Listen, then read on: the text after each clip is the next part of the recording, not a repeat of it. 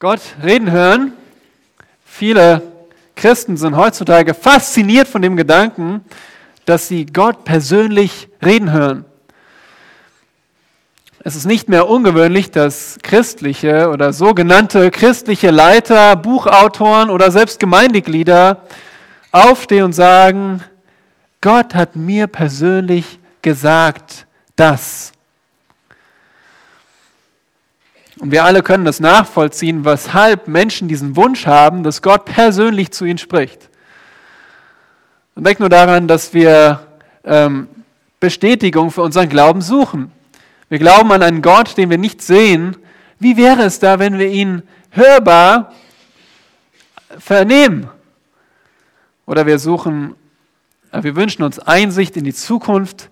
Welchen Partner soll ich heiraten? Welchen Beruf erlernen?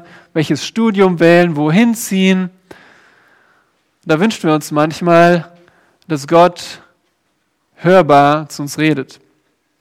Oder wir sehen uns nach Wegweisung, ja? Welchen Weg soll ich wählen? darum können wir diesen Wunsch nachvollziehen, dass Christen heutzutage sich danach ausstrecken und fasziniert davon sind, wenn jemand sagt, Gott hat mir gesagt. Wie wäre es, wenn der allwissende, der allmächtige Gott zu dir hörbar redet, so wie zum Beispiel zu Noah oder zu Abraham, zu Jakob, zu Mose, zu den Propheten wie Elia, Jesaja, Hiskia. Stell dir vor, Gott redet mitten in deine Entscheidungen, in deine vielleicht auch Fragen und Sorgen hinein. Und die Wahrheit ist, wir können Gott heute reden hören. Gott redet heute vielleicht nicht so, wie du denkst. Gott redet heute absolut real. Er redet klar, wahrhaftig und zuverlässig. Wenn Menschen fragen, wo redet denn Gott heute, dann sind sie wie, wie ein Mensch, der, stellt euch vor, ein Mensch steht vor einem mannshohen Lautsprecher, der dröhnt und dieser Mensch steht da und sagt, was? Ich verstehe nichts. So ist es. Gott redet heute genauso klar, unmissverständlich. Und das wollen wir heute gemeinsam erforschen, auf welche Wege Gott heute zu uns redet. Wenn ihr es noch nicht getan habt, geht bitte zu Psalm 19. Und die Psalmen sind, wie ihr wisst, ein Gesangsbuch. Die Psalmen sind biblische Poesie, das Gesangsbuch für Israel. Es sind sozusagen musikalische Gedichte. Der hebräische Titel äh, ist Lobpreis in der Mehrzahl, also Loblieder, so heißt das Buch auf Hebräisch. Es sind Loblieder für Gott. Und so auch unser Psalm. Unser Psalm beginnt mit dem Wort, den Worten dem Vorsänger. Das ist also ein musikalisches Gedicht, das wurde gesungen, das wurde vorgetragen. Und so ist das ein Psalm von vielen im Buch der Loblieder. Die Psalmen wurden über einen Zeitraum von mehr als 900 Jahren verfasst, reichen von der Zeit von, von Mose bis zur Zeit nach dem Exil. Eine riesige Zeitspanne. Und vor allem wurden sie ja von König David verfasst. Er schrieb nahezu die Hälfte der 150 Psalmen. Es ist das längste Buch der Bibel. Es wird häufiger im Neuen Testament zitiert als jedes andere Buch. Und es ist wie die ganze Schrift unveränderlich wahr und zeitlos. Nun Psalm 19. Psalm 19 ist wie, äh, er sticht hervor, er ist wie ein Gipfel unter den Psalmen. Wenn ihr euch eine Bergkette vorstellt, gibt es immer verschiedene Gipfel, die herausragen. Und so ist dieser Psalm 19 für uns. Der christliche Buchautor C.S. Lewis hat mal über diesen Psalm gesagt, Zitat, ich halte dies für das großartigste Gedicht in den Psalmen und einer der großartigsten Liedtexte der Welt. Psalm 19 bewegte Komponisten wie Bach, Beethoven oder Haydn zu Werken musikalischer Schönheit. Vielleicht auch eine gute Beschäftigung mal, sich diese Titel mal anzuhören. Kantate 76 von Johann Sebastian Bach, die Himmel erzählen die Ehre Gottes. Das Lied von Josef Haydn, die Himmel erzählen. Von Beethoven, die Himmel rühmen die Ehre Gottes. Hört euch das mal an. Das ist erhebende Musik. Und das ist der vertonte Text von Psalm 19, den wir jetzt lesen wollen. Psalm 19, ab Vers 1, das Wort Gottes sagt, dem Vorsänger, ein Psalm Davids. Die Himmel erzählen die Herrlichkeit Gottes und die Ausdehnung verkündigt das Werk seiner Hände. Es fließt die Rede Tag für Tag, Nacht für Nacht tut sich die Botschaft kund. Es ist keine Rede und es sind keine Worte, wo ihre Stimme unhörbar wäre. Ihre Reichweite erstreckt sich über die ganze Erde und ihre Worte bis ans Ende des Erdkreises. Er hat der Sonne am Himmel ein Zelt gemacht. Und sie geht hervor wie ein Bräutigam aus seiner Kammer und freut sich wie ein Held, die Bahn zu durchlaufen. Sie geht an einem Ende des Himmels auf und läuft um bis ans andere Ende, und nichts bleibt vor ihrer Glut verborgen. Das Gesetz des Herrn ist vollkommen, es erquickt die Seele. Das Zeugnis des Herrn ist zuverlässig, es macht die Unverständigen weise. Die Befehle des Herrn sind richtig, sie erfreuen das Herz. Das Gebot des Herrn ist lauter, es erleuchtet die Augen. Die Furcht des Herrn ist rein, sie bleibt in Ewigkeit. Die Bestimmungen des Herrn sind Wahrheit, sie sind allesamt gerecht. Sie sind begehrenswerter als Gold und viel Feingold süßer als Honig und Honigseim. Auch dein Knecht wird durch sie gewarnt, und wer sie befolgt, empfängt reichen Lohn. Verfehlungen, wer erkennt sie? Sprich mich los von denen, die verborgen sind. Auch vor Mutwilligen bewahre deinen Knecht, damit sie nicht über mich herrschen. Dann werde ich unsträflich sein und frei bleiben von großer Übertretung. Lass die Worte meines Mundes und das Sinn meines Herzens wohlgefällig sein vor dir, Herr, mein Fels und mein Erlöser. Beim Lesen habt ihr sicher schon gemerkt, dass dieser Psalm ganz natürlich in zwei Hälften geteilt ist. Gott hat sich auf zwei Wege geoffenbart. Da haben wir zum einen die allgemeine und wortlose Offenbarung und wir haben die spezielle und wörtliche Offenbarung. Und wir sehen auf der einen Seite am Anfang des Psalms zuerst Gottes Welt und dann Gottes Wort. Zuerst Gottes Schöpfung, Gottes Schrift. Das sind die beiden Wege, durch die Gott sich offenbart. Aber diese beiden Wege sind nicht gleichrangig. Sie sind nicht auf einer Stufe. Warum? Überlegt einmal, wie wurde denn die Schöpfung gemacht? Durch was? Durch das Wort. Aha. Sagt uns auch Hebräer 11, Vers 3, dass die Welten durch Gottes Wort gemacht wurden. Das heißt, die Schöpfung kommt durch das Wort. Und darum ist das Wort über der Schöpfung. Die Schöpfung demonstriert aber nur die Schrift, erklärt mit Worten. Die Schöpfung zeigt uns genug, damit jeder Mensch ohne Entschuldigung verdammt wird. Denn jeder Mensch sieht die Schöpfung, jeder, der lebt. Nur die Schrift, nur die Schrift zeigt uns genug, um zu verstehen, wie wir gerettet werden. Die Schöpfung zeigt uns das, dass wir ohne Entschuldigung sind, verdammt zu werden. Aber das Wort Gottes zeigt uns das, was wir wissen müssen, um errettet zu werden. Der Glaube kommt durch das Wort, Römer 10, Vers 17. Und so sind es zwei ungleiche Wege, auf die sich Gott geoffenbart hat. Davids Botschaft in einem Satz ist, Gottes Reden im Wort ist erhaben über Gottes Offenbarung in der Welt. Nun, was will uns der Herr durch diesen Psalm heute Morgen lehren? zwei Wege, auf Gottes Reden zu hören, damit du ihm wohlgefällst. Das ist das Ziel, dass wir ihm wohlgefallen. Dass wir ihm gefallen, dass wir zu seiner Ehre leben. Die Frage ist, was ist der erste Weg, auf Gottes Reden zu hören? Nun, der erste Weg ist, höre auf Gottes Reden in der Schöpfung. Höre auf Gottes Reden in der Schöpfung. Dieser Psalm ist von David, das lernen wir in Vers 1 und ab Vers 2, hier nach der Schlachterübersetzung, lernen wir über Gottes Reden in der Schöpfung. David stellt uns zunächst den Autoren der Schrift vor, bevor er dann auf diese wörtliche Offenbarung eingeht. Und wer ist dieser Autor? Es ist Gott, der Schöpfer.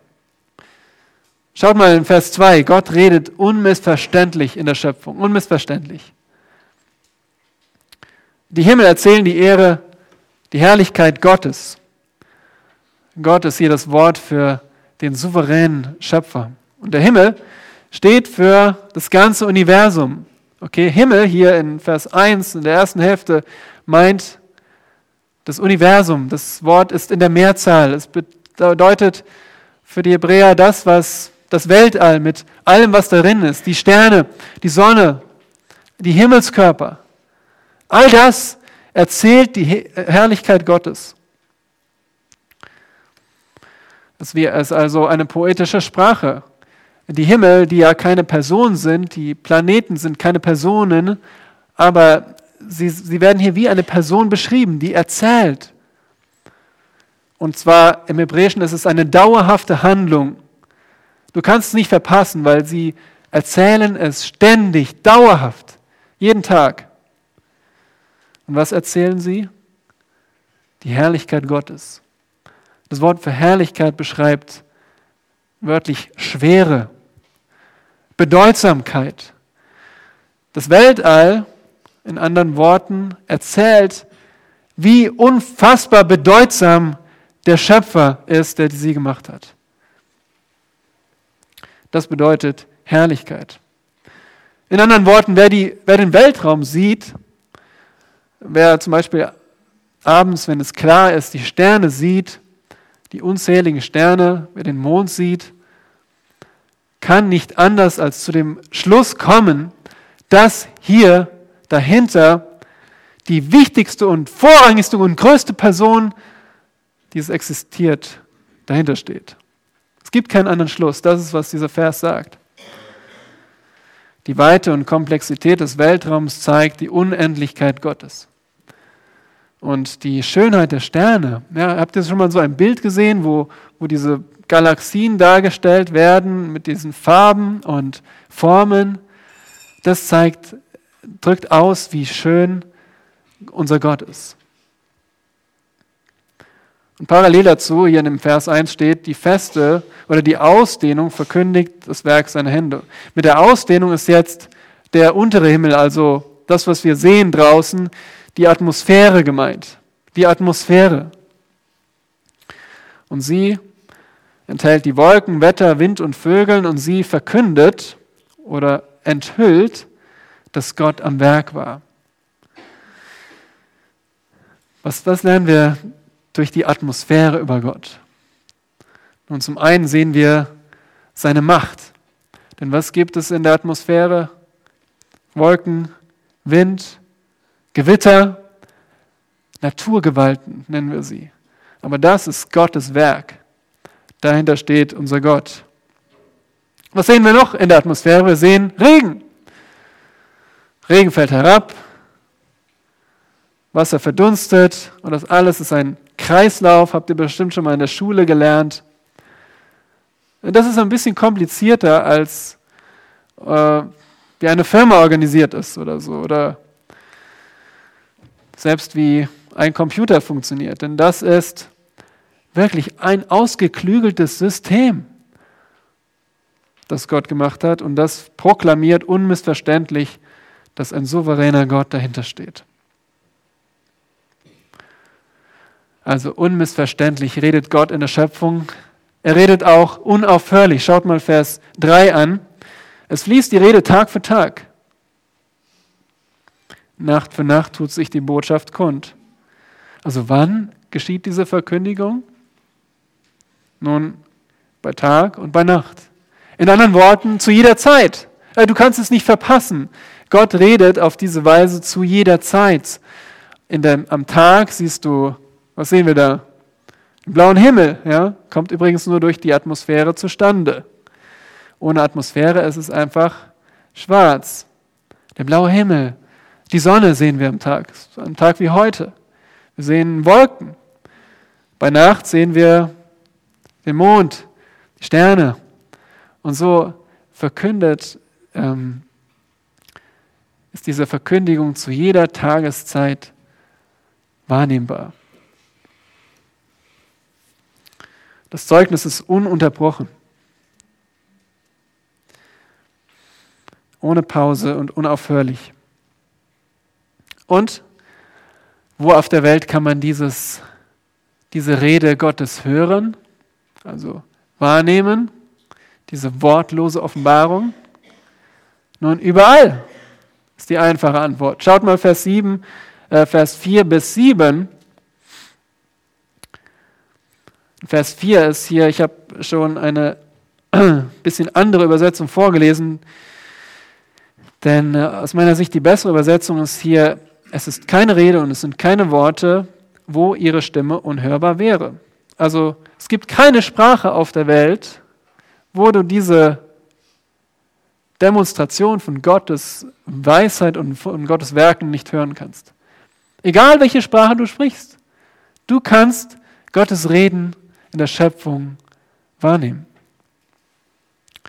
Denn, ja, das wird nicht mit den Ohren gemacht, sondern mit dem Verstand, wenn du dir die Schöpfung anschaust. Und so heißt es auch in Vers 5, ihre Reichweite erstreckt sich über die ganze Erde, den ganzen Erdkreis. Und dann greift sich David eine besondere Illustration heraus. Und was ist diese Illustration? Die Sonne. Oder seht ihr das hier in Vers 5b? Er hat der Sonne am Himmel ein Zelt gemacht. Und hier beschreibt David es sehr plastisch, auf sehr plastische Weise. Gott hat der Sonne wie ein Zelt gemacht, sie geht hervor wie ein Bräutigam aus seiner Kammer. Nun, dieses Bild müssen wir zuerst einmal verstehen, weil wir nicht in dieser Zeit leben. Damals, wenn ein Mann und eine Frau geheiratet haben, dann haben sie so eine tragbare, Brautkammer bekommen. Das waren so vier Pfosten mit einem Himmel drüber. Und das wurde dann aufgestellt zur Zeit der Eheschließung. Und das war also, wurde benutzt für die Einsegnung des Brautpaares und auch für die Ehe, die dann sich anschloss. Und dieses Bild ist, stellt euch vor, einen Bräutigam, der geheiratet hat und jetzt voller Frische und Fröhlichkeit ähm, aus seiner Kammer heraustritt und sein Herzenswunsch ist gestillt. Er steht am Beginn des neuen Lebens, Ehelebens und jetzt tritt er heraus aus seiner Kammer. Sein Gesicht zeigt die Freude des Hochzeitstages. Er hat gerade geheiratet. Und so beschreibt David die Sonne. Ja, so ist die Sonne. Sie geht heraus, muss man nicht ankicken. Die läuft unaufhörlich ihre Bahn wie ein Bräutigam, der gerade geheiratet hat. Und, schaut mal freut sich wie ein Held, die Bahn zu durchlaufen. Seht ihr das in Vers 6? Freut sich wie ein Held. Also wie ein erfolgreicher Krieger, der sich freut, seine Stärke auszudrücken, ja? Der sich nicht davor schämt oder zurücktritt. Nein, jemand, der überzeugt ist, ein Krieger. Vielleicht wäre es heutzutage das ein Sportler, der vollkommen überzeugt von seiner eigenen Fähigkeit ist und an die Bahn tritt und läuft. So ist die Sonne. Sie läuft ihre Bahn, ohne zu ermüden. Und so ist sie nur eine Illustration für Gottes Reden in der Schöpfung, dass Gott, der souveräne Herr, dahinter steckt. Wir kennen das auch aus dem Neuen Testament, wenn ihr an Römer 1 denkt, oder? Römer 1 schreibt Paulus, dass alle Menschen Gottes Reden in der Schöpfung wahrnehmen. Sicher hat er auch Psalm 19 sehr gut gekannt als, als Jude.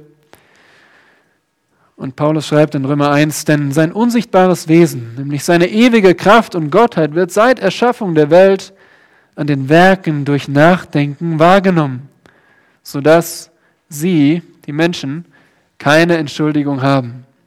Keine Entschuldigung. Weil wir sehen, was sehen wir? Gottes, Gottes ewige Kraft und seine Gottheit erkennen wir. Zum Beispiel an der Sonne. Also, dürfte es keine Atheisten auf dieser Welt geben. Eigentlich müssten Wissenschaftler die lautesten Verkündiger von Gottes Weisheit und Herrlichkeit sein, weil sie haben den meisten Einblick in Gottes Schöpfung. Ist das so? Leider nein. Leider sehen wir viele Wissenschaftler, die Einblick haben in Gottes Schöpfung, aber doch Gott leugnen. Warum ist das so? Warum ist das so? Nun, Paulus gibt uns die Antwort in Römer 1, warum Menschen, die Gottes Schöpfung sehen, Gottes Reden in der Schöpfung wahrnehmen, warum sie ihn ablehnen. Da heißt es in Vers 18, Kapitel 1, Römer 1, denn es wird geoffenbart, Gottes Zorn vom Himmel her über alle Gottlosigkeit und Ungerechtigkeit der Menschen, welche die Wahrheit durch Ungerechtigkeit niederhalten. Die Menschen sind wie ein Kind, das Wasserball spielt und den Ball der Wahrheit unter Wasser drückt. Aber er kommt immer wieder hoch. So sind wir Menschen. Wir drücken die Wahrheit nieder, aber wir können die Wahrheit nicht zur Lüge machen. Gott ist der Schöpfer. Wir können es nicht leugnen aber wir, wir wollen es leugnen von Natur aus, weil wir an unserer Sünde festhalten wollen, sagt Paulus. Preis den Herrn, du gehörst nicht dazu, wenn du in Christus glaubst. Gott hat dir geöffnete Augen geschenkt. Und du siehst jetzt, wenn du die Schöpfung anschaust, siehst du, das ist, was Gott gemacht hat. Das ist Gottes Herrlichkeit. Das zeigt, dass Gott die bedeutsamste Person ist, die es gibt. Geht euch das so? Wenn ihr in der, meinetwegen, spazieren seid, denkt ihr daran, ist das euer Gedanke? Gott ist schön, Gott ist herrlich, Gott ist groß.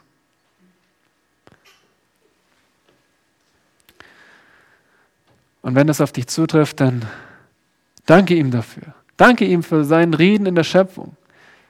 Preise ihn dafür. Gib ihm das Lob, das ihm zusteht.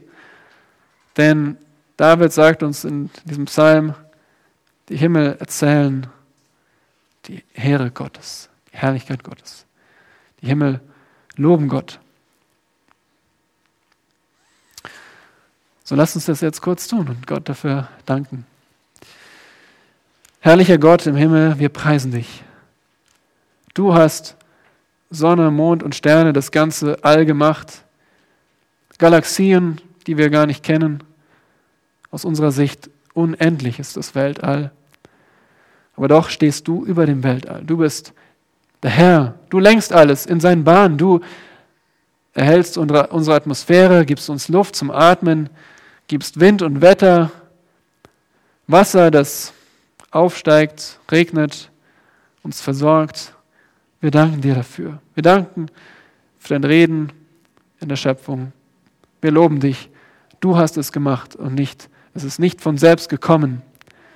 Wir preisen dich und wir danken dir, dass du auch noch weiterredest, nämlich durch dein Wort, durch die Schrift. Amen.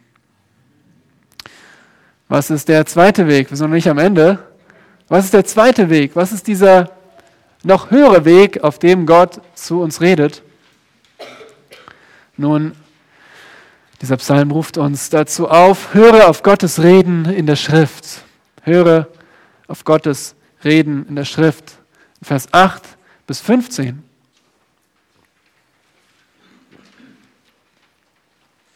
Ja, nahezu unangekündigt wechselt David jetzt hier in dem Psalm zu dem vortrefflicheren Weg, Gottes Reden zu hören. Aber doch gibt es einen Zusammenhang zwischen diesem Teil, den er mit der Sonne beendet, ja, die Sonne, nichts bleibt vor ihrer Glut verborgen, und dann der nächste Vers, Vers 8, schaut, das Gesetz des Herrn ist vollkommen. Also fast so ein, so ein harter Übergang. Aber überlegt mal, was hier der, die Verknüpfung ist. Von der Sonne zur Schrift. Nun, die Sonne ist das herrlichste Geschenk für unser physisches Leben. Die Schrift ist das herrlichste Geschenk für unser geistliches Leben. Die Sonne dominiert das physische Leben. Es gäbe kein Leben auf diesem Planeten ohne die Sonne. Durch die Sonne wachsen Pflanzen, geben uns Nahrung. Ja. Was wären wir ohne die Sonne? Durch die Sonne haben wir hier angenehmes Klima, Wärme, wir sind nicht zu weit weg, nicht zu nahe dran. Aber die Schrift dominiert unser geistliches Leben. Die Sonne erleuchtet alles unter ihr auf der Erde. Ja? Die Sonne gibt uns Licht, das wir sehen können. Die Schrift erleuchtet uns geistlich die Augen. Die Sonne ruft Leben hervor und nährt. Die Schrift ruft geistliches Leben hervor. 1. Petrus 1, Vers 23. Wir sind wiedergeboren durch den unvergänglichen Samen des Wortes. Und nichts ist verborgen vor der Sonne, vor ihrer Glut, sagt David. Hebräer 4, Vers 12. Das Wort ist lebendig und wirksam und schärfer als jedes zweischneidige Schwert. Das Wort öffnet deine Gedanken. Nichts bleibt vor der Schrift verborgen. Die Schrift schaut direkt in dich hinein. Und so schraubt David das Level höher von der Herrlichkeit der Schöpfung bis zur Herrlichkeit der Schrift. Und wie sieht die Herrlichkeit der Schrift aus? Nun, das sehen wir jetzt hier ab Vers 8. Die Schrift ist allgenugsam. Und das zeigt David auf sechs verschiedene Weisen. Er gibt uns sechs Titel für die Schrift, sechs Qualitäten und sechs Effekte. Und das beschreibt die Bibel in der Gesamtheit. Er spricht hier nicht von sechs Büchern, sondern er spricht von einem Buch. Erstens, die Schrift ist Gesetz. Das Gesetz des Herrn ist vollkommen. Mit Gesetz ist hier Unterweisung gemeint, Lehre und Unterricht. Wie wenn ihr ein Lehrbuch in der Schule aufschlägt, das euch Dinge erklärt. So ist die Bibel Gesetz, Unterweisung. Und sie kommt direkt vom Herrn. Und das ist der Name Yahweh, der Bundesgott Israels. Und wie ist das Gesetz? Was ist die Qualität? Vollkommen. Das Gesetz ist vollkommen. Es ist in anderen Worten komplett. Es ist alles da. Es ist tadellos. Und es ist unbeeinträchtigt. Und was macht das Gesetz? Das vollkommene Gesetz es erquickt die Seele. Erquickt bedeutet wörtlich zurückbringen, Bekehrung schaffen. Es ist nicht nur irgendwie so Erquickung gemeint, die uns ein bisschen aufheitert, sondern es ist Umkehr mit gemeint. Äh, die Schrift schafft, dass ein Mensch umkehrt. Das haben wir hier auch schon zu, ja, zur Genüge auch gesehen in dieser Gemeinde, wie das Wort Gottes einen Menschen bekehrt. Sie kann, was keiner kann. Sie kann das Leben umwandeln. Zweitens ist die Schrift Zeugnis. Zeugnis bedeutet eine Zeugenaussage, ein anfassbarer Beleg. Also in der Schrift gibt Gott eine Zeugenaussage über sich selbst. Und dieses Zeugnis ist wie? Zuverlässig. Zuverlässig. Es ist unbeweglich. Es ist erhaben über jede Zweifel. Es ist vertrauenswürdig und du kannst darauf bauen. Und dieses Zeugnis macht die Unverständigen weise. Ein Unverständiger ist wörtlich eine offene Tür. Ein Mensch, der sagt, ich nehme alles an. Ich lasse alles in mich herein. Ein Mensch, der naiv ist, der leicht irregeführt wird. Ein Mensch, der vielleicht heutzutage ja alles glaubt, was ihm gesagt wird. Liest, äh, du sollst dreimal am Tag Kaffee trinken, dann macht er das. Wenn da steht, du sollst statt Kaffee Cola trinken, dann macht er das auch. Oder du sollst um 6 Uhr aufstehen, dann steht er um 6 Uhr auf. Jemand, der, der sich alles sagen lässt, der einfach eine offene Tür ist und alles aufnimmt. Nun, die Schrift macht solchen Menschen weise. Die Schrift macht ihn naiven weise. Sie schenkt ihm Unterscheidungsvermögen. Sie führt dazu, dass wir ein erfolgreiches Leben führen für Gott, um Gott zu ehren. Das Zeugnis des Herrn ist zuverlässig. Es macht den Unverständigen weise. Drittens, das, die Schrift ist Befehle. In anderen Worten, Vorschriften von Autorität. Die Schrift sind keine, äh, umfasst nicht irgendwelche ja, Vorschläge, gut gemeinten Ratschläge, sondern die Schrift ist Gottes Befehl an uns. Wie wenn ihr eine Weisung von eurem Vorgesetzten bekommt. Dann sagt ihr nicht, ja, ich schaue mal, ob es mir gefällt. Wenn ja, mache ich das. Nein, dann sagst du, okay, ich mache das. Weil du hast es mir gesagt, du bist mein Chef. So sind, ist die Schrift umfasst Befehle von Gott. Und diese Befehle sind aber nicht falsch, sondern richtig, wörtlich gerade. Sie führen dich auf einem geraden Weg. Sie gehen nicht krumm, sie führen dich nicht in die Irre, sondern sie führen auf dem geraden Weg. Auf dem richtigen Weg, der Gott gefällt. Und das Wunderbare ist, sie erfreuen das Herz. Sie erfreuen das Herz. Und erfreuen meint erfreuen. Es bringt dich zu echter Freude, wenn du auf dem richtigen Weg gehst. Freude kriegst du nicht dadurch, dass du immer das bekommst, was du willst, was du begehrst, sondern dass du auf dem richtigen Weg gehst. Das ist etwas, was ich selbst lernen muss, was ich meinen Kindern beibringen möchte. Denn ihr kennt das, wenn ein Kind etwas nicht bekommt, was es will, dann fängt es an zu weinen. Ich will aber nicht, ich will das. Nun, dann sagt ihr als Eltern, ne, du sollst ganz gern und gleich gehorchen, du sollst fröhlich gehorchen. Mach einfach fröhlich. So, nein. Woher, woher kommt diese Freude? Diese Freude kommt davon, auf dem richtigen Weg zu sein. Weißt du, du sollst dich jetzt freuen darüber, weil das das Richtige ist das Richtige zu tun, bringt echte Freude.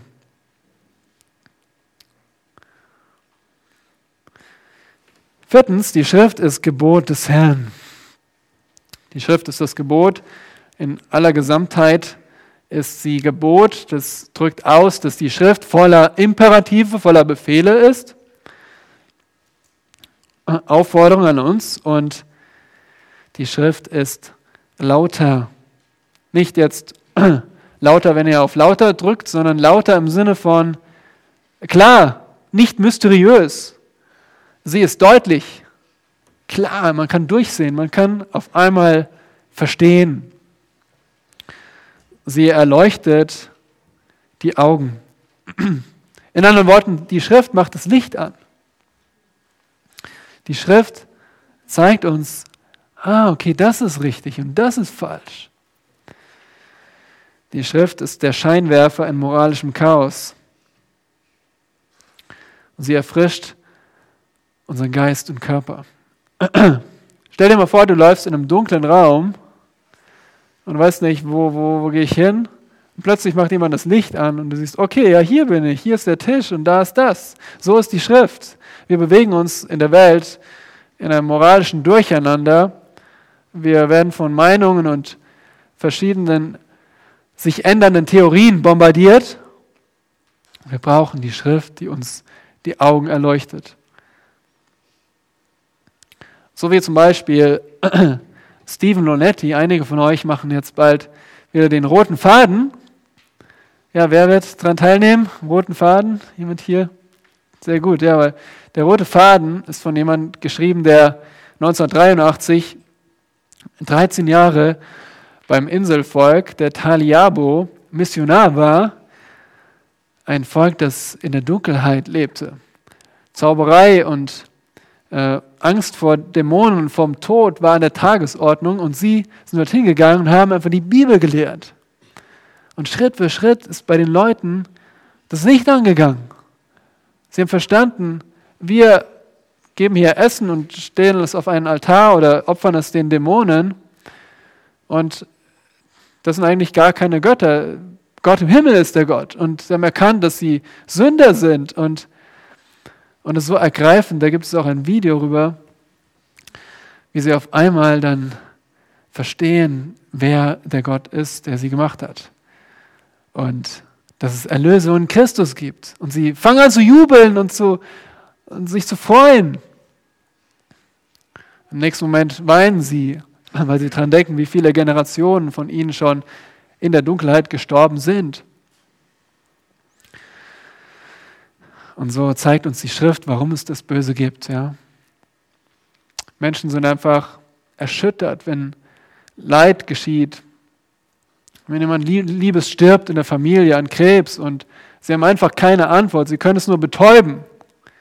Aber die Schrift macht das Licht an. Wir verstehen, Tod ist der Lohn für die Sünde. Aber wir sind verdorben von Natur aus. Deswegen gibt es Böses, deswegen gibt es Krieg. Aber wir sehen uns nach Ewigkeit, weil Gott die Ewigkeit in unser Herz gelegt hat.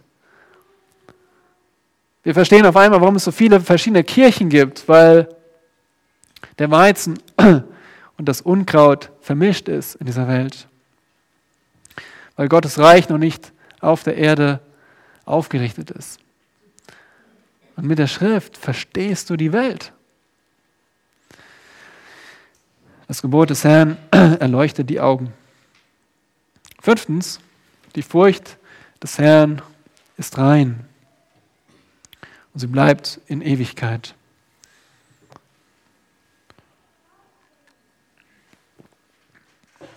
Ja, hier wird die Schrift nach dem Effekt benannt.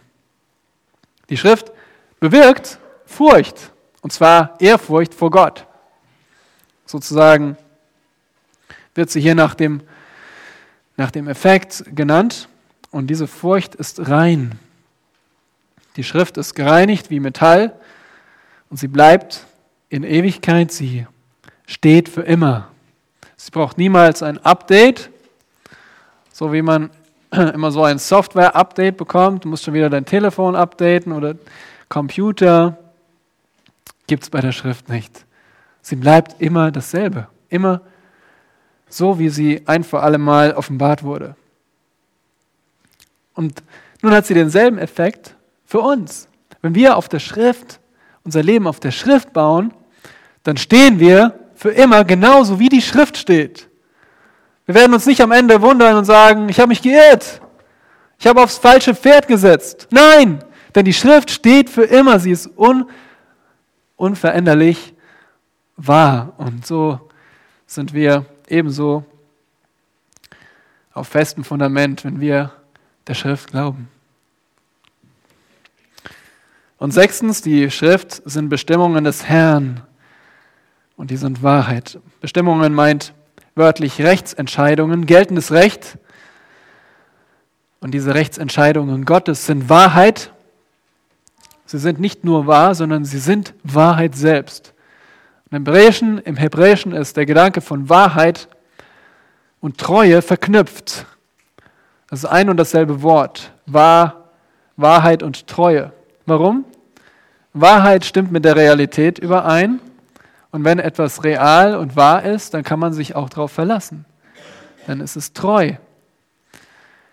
Genauso wie wenn eine Person wahrhaftig ist und das sagt, was wie es ist, dann kannst du dich auf sie verlassen.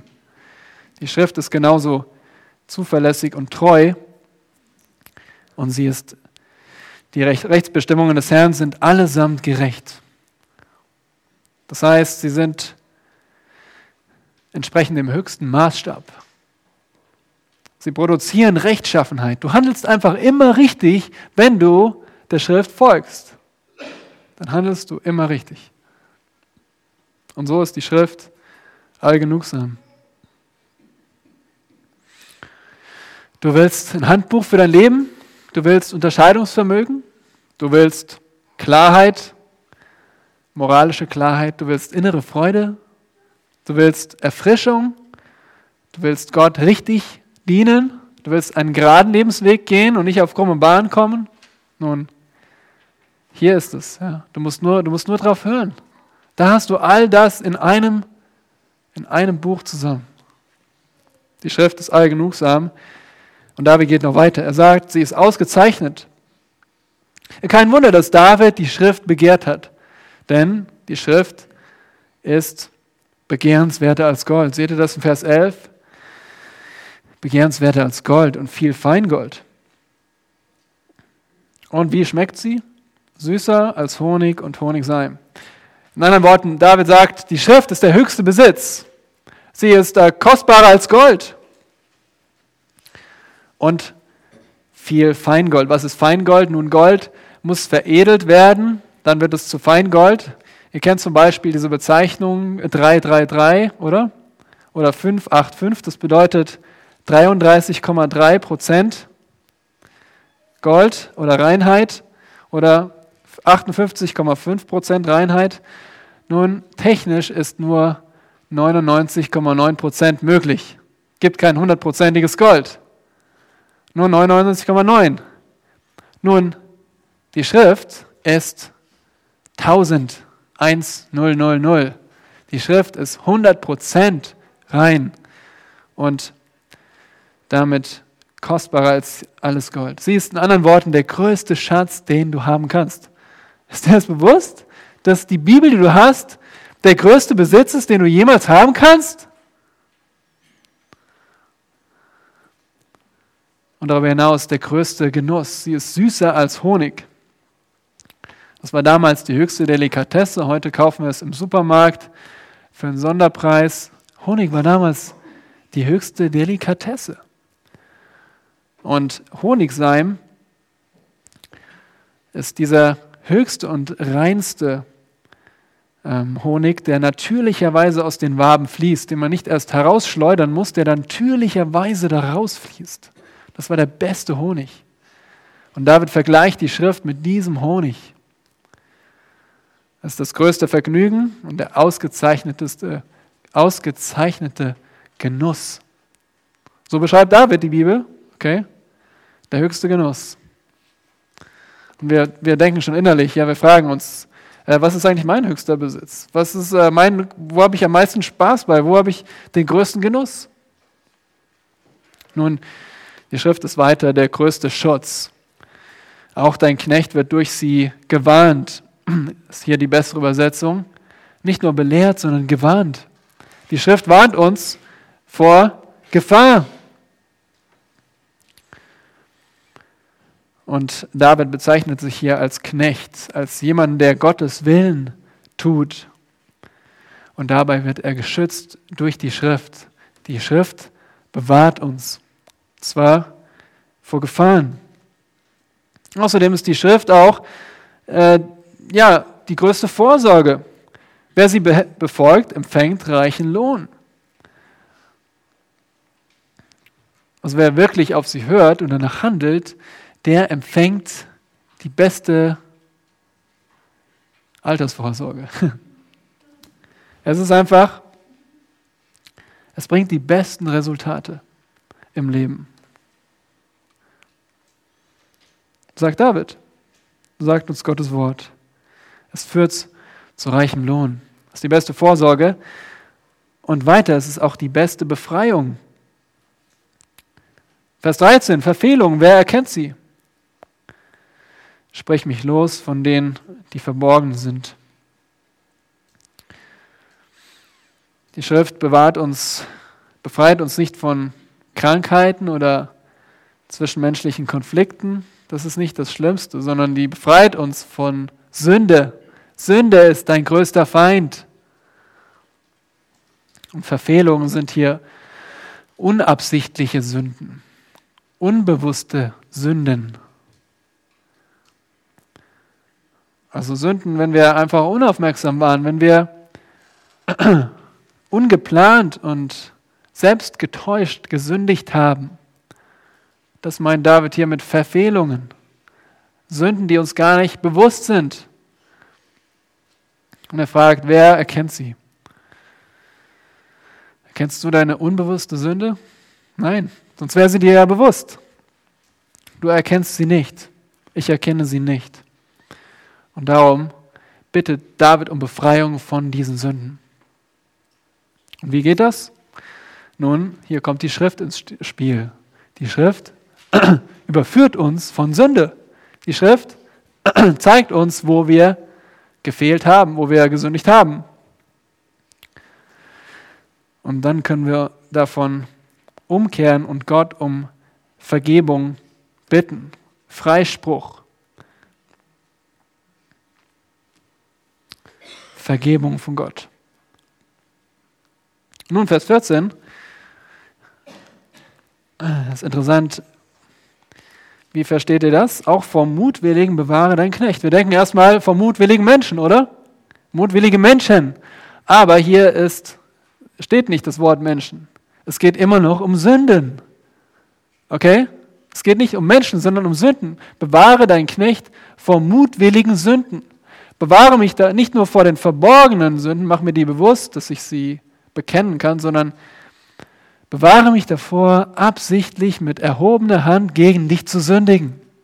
Wisst ihr, im Alten Testament und im Gesetz Mose gab es keine Möglichkeit, Vergebung für diese Sünden mit erhobener Hand zu bekommen.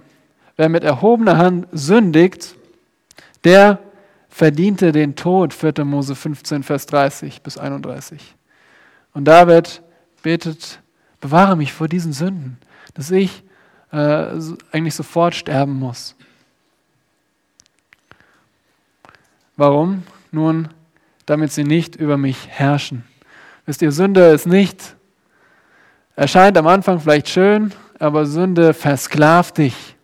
Sünde versklavt überall, wo ihr die Tür geöffnet wird. Und deswegen, wer, wer kann uns davon befreien? Wer kann uns befreien von der versklavenden Macht der Sünde, die Schrift, Gott durch die Macht seines Wortes. Er befreit uns von Sklaverei der Sünde. Und dann sagt David, dann werde ich unsträflich sein, dann werde ich makellos bleiben, unschuldig vor großer Übertretung, vor viel Übertretung. Und so ist die Schrift nicht nur allgenugsam, sie ist auch ausgezeichnet in allen Dingen, ob Besitz oder Versorgung oder Befreiung. Und schließlich die Schrift muss angewandt werden. David wendet die Schrift an. Vers 15. Hier kommen wir zum eigentlichen Zweck des Ganzen. Wozu soll ich auf die Schrift hören? Wozu soll ich das machen?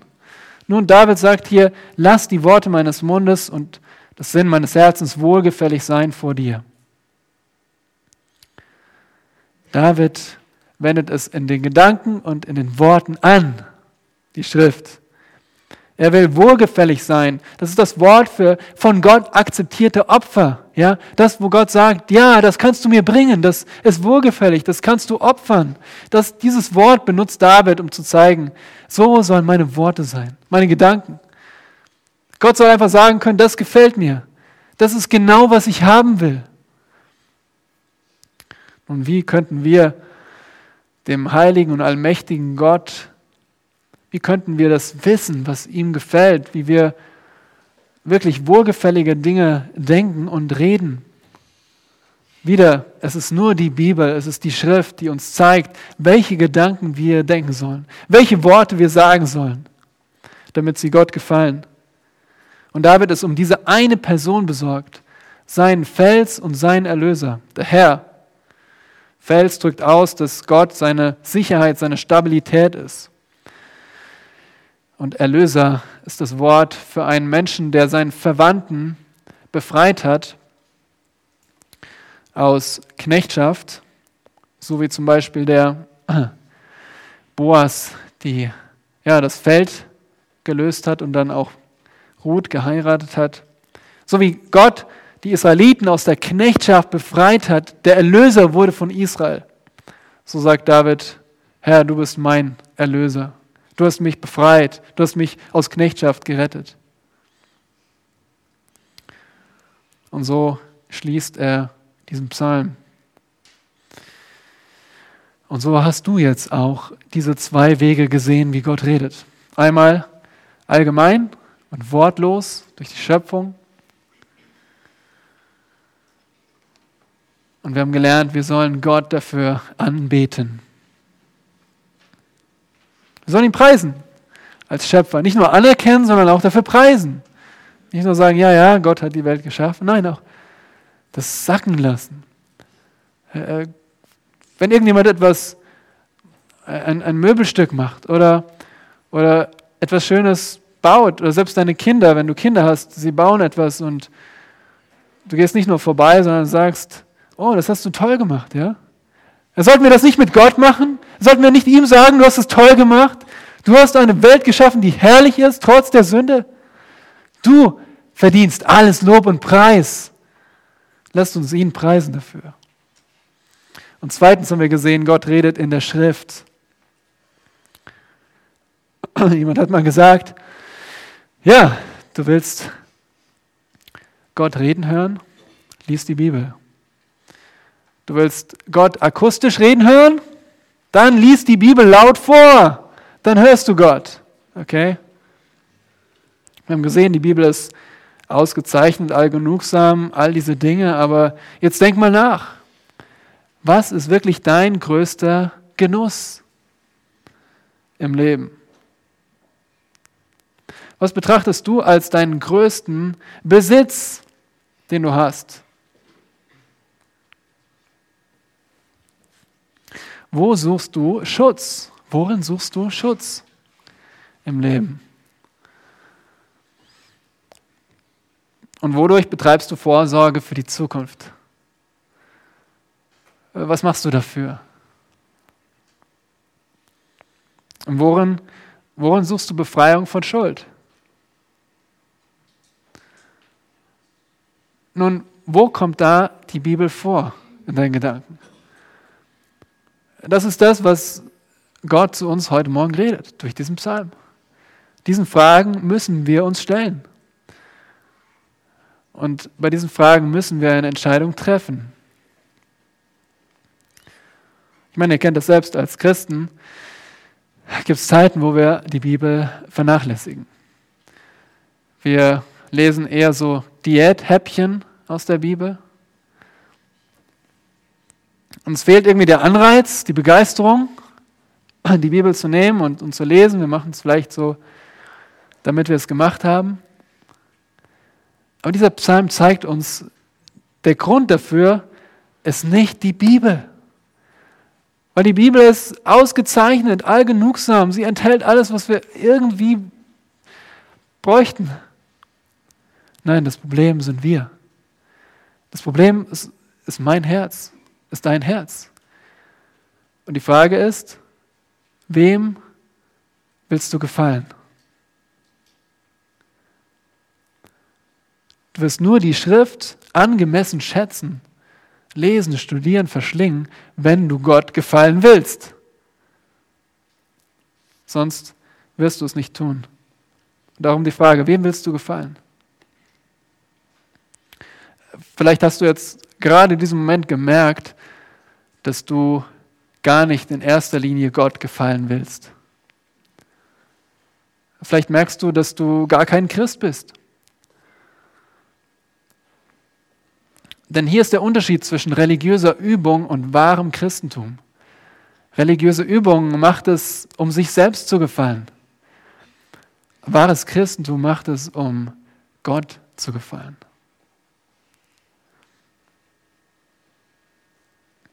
Deine Gedanken und dein tägliches Handeln zeigt, zeigt dir vielleicht, dass du vielmehr in erster Linie dir selbst gefallen möchtest. Und in dem Fall ist dein größter Besitz wirklich auf dieser Erde. In dem Fall ist dein größter Genuss auf dieser Erde. In dem Fall ist dein größter Schutz, deine Versorgung, deine Freiheit auf der Erde. Aber nicht in dem ewigen Gott. Und darum, wenn du das merkst, dann kehr heute um. Denn Gott ruft dich zur Buße. Denn Gott ruft, kehr um und glaube an den Herrn Jesus Christus. Jesus, der von einer Jungfrau geboren wurde, Mensch wurde, gerechtes Leben gelebt hat für uns, an unserer Stelle am Kreuz gestorben ist, für sein Volk, das er retten wollte, all die, die an ihn glauben. Der auferstanden ist, der aufgefahren ist in den Himmel, der sagt, komm zu mir, kehr um, wenn du ihm gefallen willst. Und wie können wir Gott gefallen? Nur bekleidet mit seiner Gerechtigkeit. Nur der Herr Jesus Christus ist der Mensch, der Gott vollkommen gefallen hat. Und wir müssen seine Gerechtigkeit anziehen. Wie geht das? Indem wir unser Vertrauen ganz auf ihn setzen, indem wir an ihn glauben, ihm unsere Sünden bekennen, um Vergebung bitten und ihn als Herrn und Erlöser annehmen, an ihn glauben. Dann können wir Gott gefallen. Und dann geht es erst richtig los. Wie gefallen wir Gott in unserem persönlichen Leben als Christen? Indem wir die Schrift aufnehmen und damit füllen. Wie können wir ihm würdig wandeln? Nur indem wir wie Christus denken. Und 1. Korinther 1 1. Korinther 2 sagt uns, die Schrift ist Christi Sinn, Christi Gedanken. Hier haben wir so, wie Christus gedacht hat. Das haben wir hier. Das heißt, wir müssen so denken, wie die Bibel es uns sagt. Und darum müssen wir die Bibel lesen, studieren, aufnehmen, damit wir Gott gefallen in unserem Denken, unserem Reden und dann auch in unserem Handeln. Und darum hier noch drei praktische Ratschläge. Lies die Bibel, lies die Bibel systematisch, ja. Nicht hier mal da, sondern lies systematisch. lies ein Buch von vorne bis hinten, eines der Bibelbücher. Mach dir einen Plan. Und zweitens, lies sie, um sie zu verstehen, ja. Wenn du nachher nicht schlauer bist als vorher, hast du irgendwas falsch gemacht. Wir müssen beten, Herr, öffne meine Augen, ich will es verstehen, was ich jetzt lese. Auch wenn es nur eine Sache ist, die du verstehst. Aber lies sie, um sie zu verstehen, sonst ist es vergeudete Zeit. Und drittens, lies sie, um sie zu befolgen. Lies sie, damit du danach handelst. Frag dich, was soll ich im Licht von diesem, was ich gelernt habe, tun? Ihr würdet ja auch nicht eine Bedienungsanleitung lesen, wegschmeißen und äh, ganz anders handeln. Okay, wie funktioniert jetzt diese Waschmaschine? Okay, okay ich fange einfach mal an. Nein, wir lesen, um sie zu befolgen. Eine Anleitung für unser Leben. Und so möchte ich schließen mit den Worten von Martin Luther, der ebenfalls die Bibel geliebt hat, durch sie erquickt wurde, also im Sinne von bekehrt wurde und danach gelebt hat und Vertrauen darauf gestorben ist und beim Herrn ist. Martin Luther hat geschrieben, Zitat, so müssen wir nun gewiss sein, dass die, dass die Seele alles Dinges entbehren kann, ausgenommen das Wort Gottes. Und ohne das Wort Gottes ist ihr mit keinem Ding geholfen. Wo sie, die Seele, aber das Wort hat, so bedarf sie auch keines anderen Dinges mehr, sondern sie hat in dem Worte genug. Speise, Freude, Friede, Licht, Kunst, Gerechtigkeit, Wahrheit, Weisheit, Freiheit und alles gut, überschwänglich. Amen.